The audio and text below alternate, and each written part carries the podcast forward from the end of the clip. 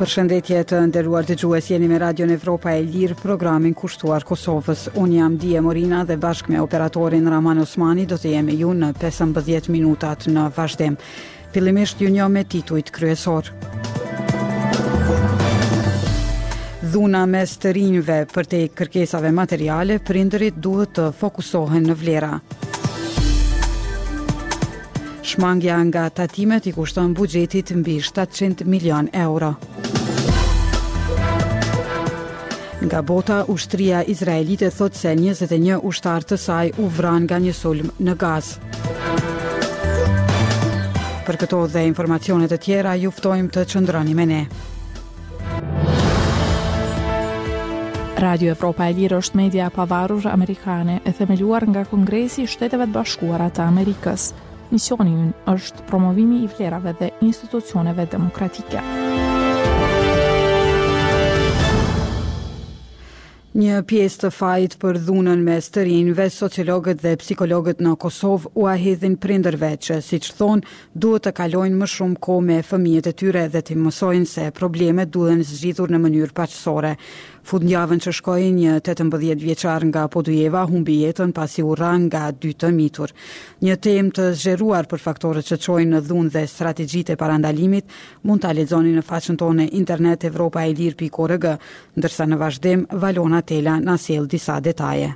Të gjithë, e sidomos adoleshentët, kanë nevojë për një sistem funksional të edukimit, i cili në njërën anë i mëson ata se dhuna nuk është zgjidhje e problemeve dhe në anën tjetër i mban qytetarë të përgjegjshëm dhe reagues ndaj dhunës, thotë për Radion Evropa e Lirë Artan Krasniqi, profesor i sociologjisë në Universitetin e Prishtinës. Sipas tij, në këtë qëllim duhet të angazhohen si prindërit ashtu edhe shkollat. Mendim të ngjashëm ndan edhe psikologja Teuta Danuza. Prindërit sot duhet të kalojnë shumë e më shumë kohë me fëmijët e tyre, thotë ajo.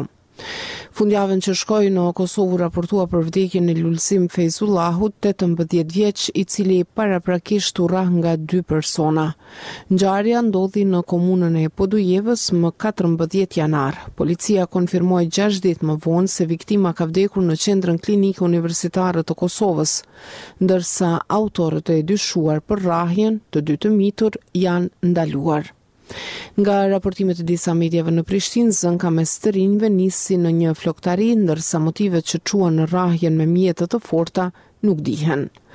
Të dhënat që siguroi Radio Evropa e Lirë nga Policia e Kosovës tregojnë se në vitin 2023 janë evidentuar gjithsej 1992 raste ku të dyshuar për vepra të ndryshme penale kanë qenë të mitur të moshës 14 deri në 18 vjeç.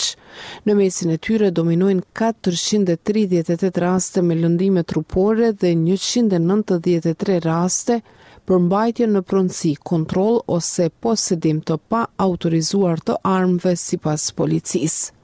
Sipas Organizatës Botërore të Shëndetësisë, dhuna mes të rinjve i referohet dhunës që ndodh mes individëve të moshës dhjetë deri në njëzet e nëntë vjeç.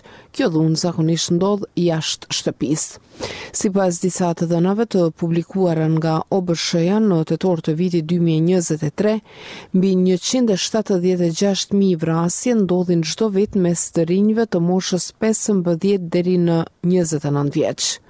Nga organizata Terre des Hommes Kosovo, e cila merret me mbrojtjen e fëmijëve, thonë se dhuna që përjetojnë në shtëpi i bën edhe fëmijët e dhunshëm. Pajtim Zeqiri nga kjo organizatë thotë se në bazë të hulumtimeve të ndryshme vendore dhe ndërkombëtare, 72% të fëmijëve në Kosovë përjetojnë dhunë fizike ose psikologjike në familje.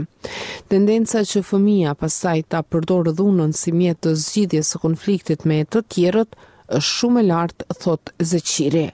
Sociologu Artan Krasniqi thotë se prindërit definitivisht duhet të kenë më shumë kontroll mbi fëmijët e tyre, kontroll mbi atë se çfarë bartin me vete, ku rrinë dhe çfarë shikojnë në telefonat e tyre, thotë ai. Në këtë aspekt, sipas tij edhe shkolla duhet ta ketë rolin prijës në edukimin e një qytetari të përgjegjshëm dhe jo të dhunshëm. Radio Evropa e Lirë iu drejtua Ministrisë së Arsimit për këtë temë, por nuk mori përgjigje. Shkarkoni aplikacionin e Radios Evropa e Lirë në App Store dhe Google Play. Mbi 3 miliard euro llogaritet vlera e ekonomisë joformale në Kosovë. Nga kjo ekonomi, institucionet kompetente nuk arrijnë të grumbullojnë rreth shtatëqind milionë euro tatime për buxhetin e Kosovës. Ekspertë të ekonomisë konsiderojnë se lufta ndaj evazionit fiskal apo shmangies tatimore duhet të jetë më e ashpër. Nadie Ahmeti sjell materialin në vazhdim. Shmangia nga tatimi i kushton buxhetit të Kosovës qindra miliona euro në vit. Më shumë se tridhjetë për qind e bruto prodhimit të brendshëm është ekonomi joformale sipas disa të dhënave që kanë përpiluar zyrtarë të Bashkimit Evropian. Ato janë publikuar dhe në raportin e progresit për Kosovën në fund të vitit të kaluar. Përkthyer në shifra nga ish-ministri i Ekonomisë i Kosovës, Haki Shatri, kjo nënkupton mbi tre miliardë euro. Me ligjin për ndarjet buxhetore këtë vit, bruto prodhimi i brendshëm parashihet të jetë rreth dhjetë pikë gjashtë miliardë euro. Duke vënë në dukje seriozitetin e problemit, Shatri thotë se shmangia nga tatimet vërehet kudo, nisur nga mospagesa e tatimit mbi vlerën e shtuar, tatimit në pagë deri te shitja e produkteve pa kupon fiskal. Nëse shteti do të arrinte t'i mbledhte të gjitha që tejkalojnë vlerën njëzet e pesë për qind, Shatri thotë se buxhetit të sivjetmë prej tre pikë tre miliardë eurosh do t'i shtoheshin edhe mbi shtatëqind milionë. Të fatit do t'i kishim na ma të mëdha të hyrat, do të kishin mujt mu rritë të ardhurat personale, investimet kapitale, po ashtu edhe edhe transferet sociale. Përveç ndikimit në të hyra buxhetore, shmangia nga tatimet krijon edhe konkurrencë të padrejtë në treg, thotë ish-guvernatori i Bankës Qendrore të Kosovës, Fehmi Mehmeti, tani udhëheqës i Institutit Hulumtues për Ekonomi dhe Financa. Sipas tij, bizneset që i shmangin tatimet përfitojnë padrejtësisht kundrejt atyre që respektojnë ligjin. Me ligj në Kosovë, të gjitha bizneset janë të obliguara që të pajisen me arka fiskale rrjedhimisht të lëshojnë kupon fiskal për çdo blerje të realizuar. Sipas Agjencisë për Regjistrimin e Bizneseve, e cila funksionon në kuadër të Ministrisë së Industrisë, Ndërmarrësisë dhe Tregtisë, në Kosovë janë të regjistruara mbi dyqind e tridhjetë e gjashtë mijë biznese, por nuk është e qartë se sa prej tyre janë aktive. Të dhënat e Administratës Tatimore të Kosovës tregojnë se numri i bizneseve të fiskalizuara është mbi dyzet e katër mijë. E sipas të dhënave të Institutit Riinvest, që promovon zhvillimin modern ekonomik në Kosovë, janë njëzet e tre deri në njëzet e pesë për qind e bizneseve që u shmangen obligimeve tatimore, duke i nënraportuar shitjet. Drejtori ekzekutiv i këtij instituti, Alban Hashani, thotë për Radion Evropa e Lirë se niveli i shmangies tatimore është më i lartë te kompanitë e vogla, për shkak se edhe kontrollet te to, sipas tij, janë më të rralla. Këta evidentojmë përmes anketave që na në vijimësi i bojmë, po edhe gjithashtu në diskutimet që kemë me bankat. Ne kur e shohim shumica e bankave kur bojnë analizën e kredive klientëve të tyne, praktikisht i marrin parasysh jo vetëm qarkullimin që ata e deklarojnë në administratën tatimore, po edhe ato që na i quajmë librat e dyfishtë. Në librat në fjalë ndodh shpesh që bizneset private i regjistrojnë hyrjet e daljet për interesat e veta. Radio Evropa e Lirë pyeti Bankën Qendrore dhe Shoqatën e Bankave të Kosovës Nëse kërkesat e bankave për evidenca të tilla kanë ndonjë bazë ligjore, por nuk mori përgjigje. Në një përgjigje me shkrim të ATK-së dërguar Radios Evropa e Lirë thuhet se ky institucion gjatë aktiviteteve për parandalimin dhe luftimin e kësaj dukurie vitin e kaluar ka zhvilluar dyqind e dymbëdhjetë inspektime, ndërsa për dyzet e shtatë persona të dyshuar për shmangie tatimore Në ekonomi janë paraqitur kallëzime penale. Nga këto aktivitete, sipas ATK-së është vërtetuar se vlera e shmangieve nga tatimi ka qenë mbi nëntë pikë tre milionë euro. Në vitin dy mijë e njëzet e dy kjo vlerë ka qenë tre pikë pesë milionë euro. Këshilli Prokurorial i Kosovës nuk iu përgjigj kërkesës së Radios Evropa e Lirë për komente në këtë temë. Për shmangien nga tatimi, ligji në Kosovë parasheh dënime me gjobë dhe me burgim deri në katër vjet, varësisht nga shuma e përdorur. Më nëntë janar, dymbëdhjetë zyrtarë të Administratës Tatimore të Kosovës dhe një pronar biznesi u arrestuan nën dyshimet për shmangien nga tatimi dhe mashtrimin në detyrë, por ata u liruan pas dyzet e tetë orësh në mbajtje. Sipas Shatrit, autoritetet e Kosovës duhet t'i bëjnë inspektimet edhe më rigoroze. Bashkimi Evropian, ku Kosova mëton të anëtarësohet, e konsideron shmangien tatimore si një çështje komplekse që paraqet sfida globale. Për Radion Evropa e Lirë nga Prishtina, Nadie Ahmeti. Në evropaelire.org mund të lexoni materiale dhe analiza ekskluzive nga vendi rajoni dhe bota.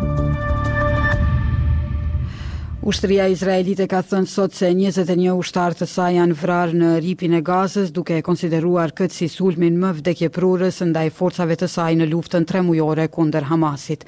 Hamasi, grup palestinez që udhëheq Gazën, është shpallur terrorist prej Shteteve të Bashkuara dhe Bashkimit Evropian.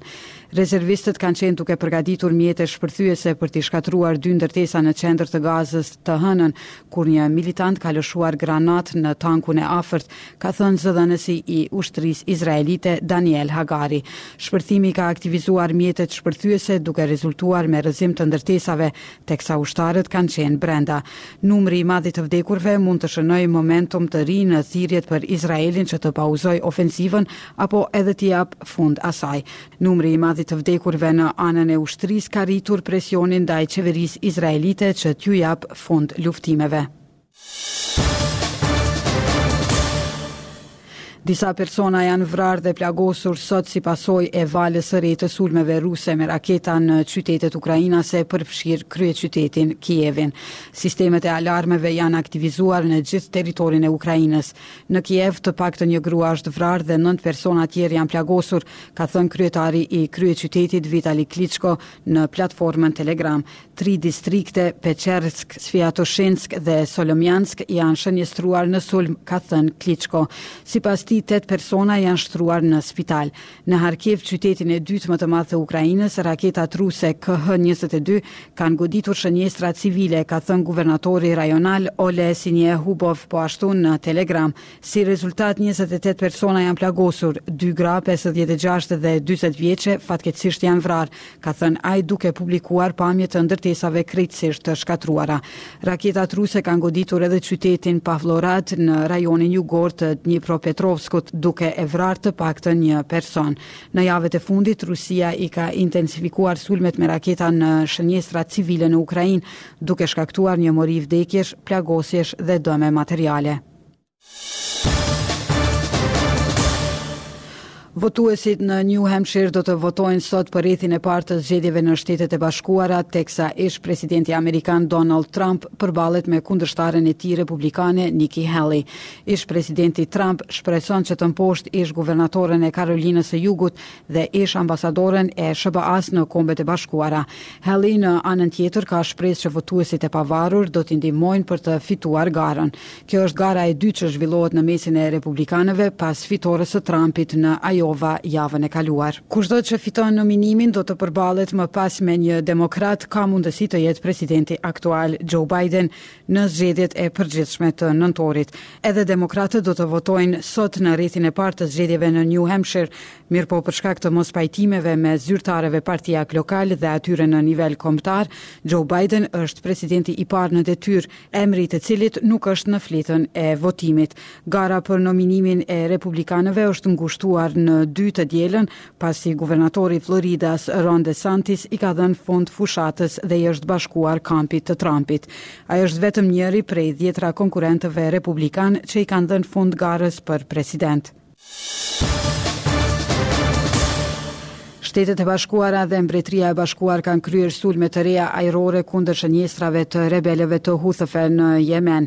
Pentagoni ka thënë se në sulmet e së hënës kanë shënjestruar tetë pika, përfshirë një qendër nëntokësore për rezerva dhe qendrat e nisjes dhe vëzhgimit të sistemeve raketore. Rebelët e Huthëve të mbështetur prej Iranit kanë shënjestruar anijet komerciale që besojnë se janë të lidhura me Izraelin dhe Perëndimin gjatë kalimit të tyre në Detin e Kuq. Shtetet e Bashkuara dhe Mbretëria e Bashkuar kanë thënë se po tentojnë të mbrojnë qarkullim të lirë të mallrave.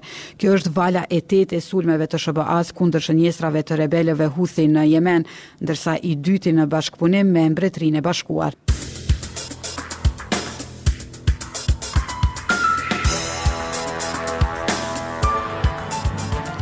Ishen këto të gjitha materialet e përgatitura për edicionin e mesditës. Për lajmet e fundit dhe informacione të tjera mund të vizitoni faqen tonë në internet evropaelire.org.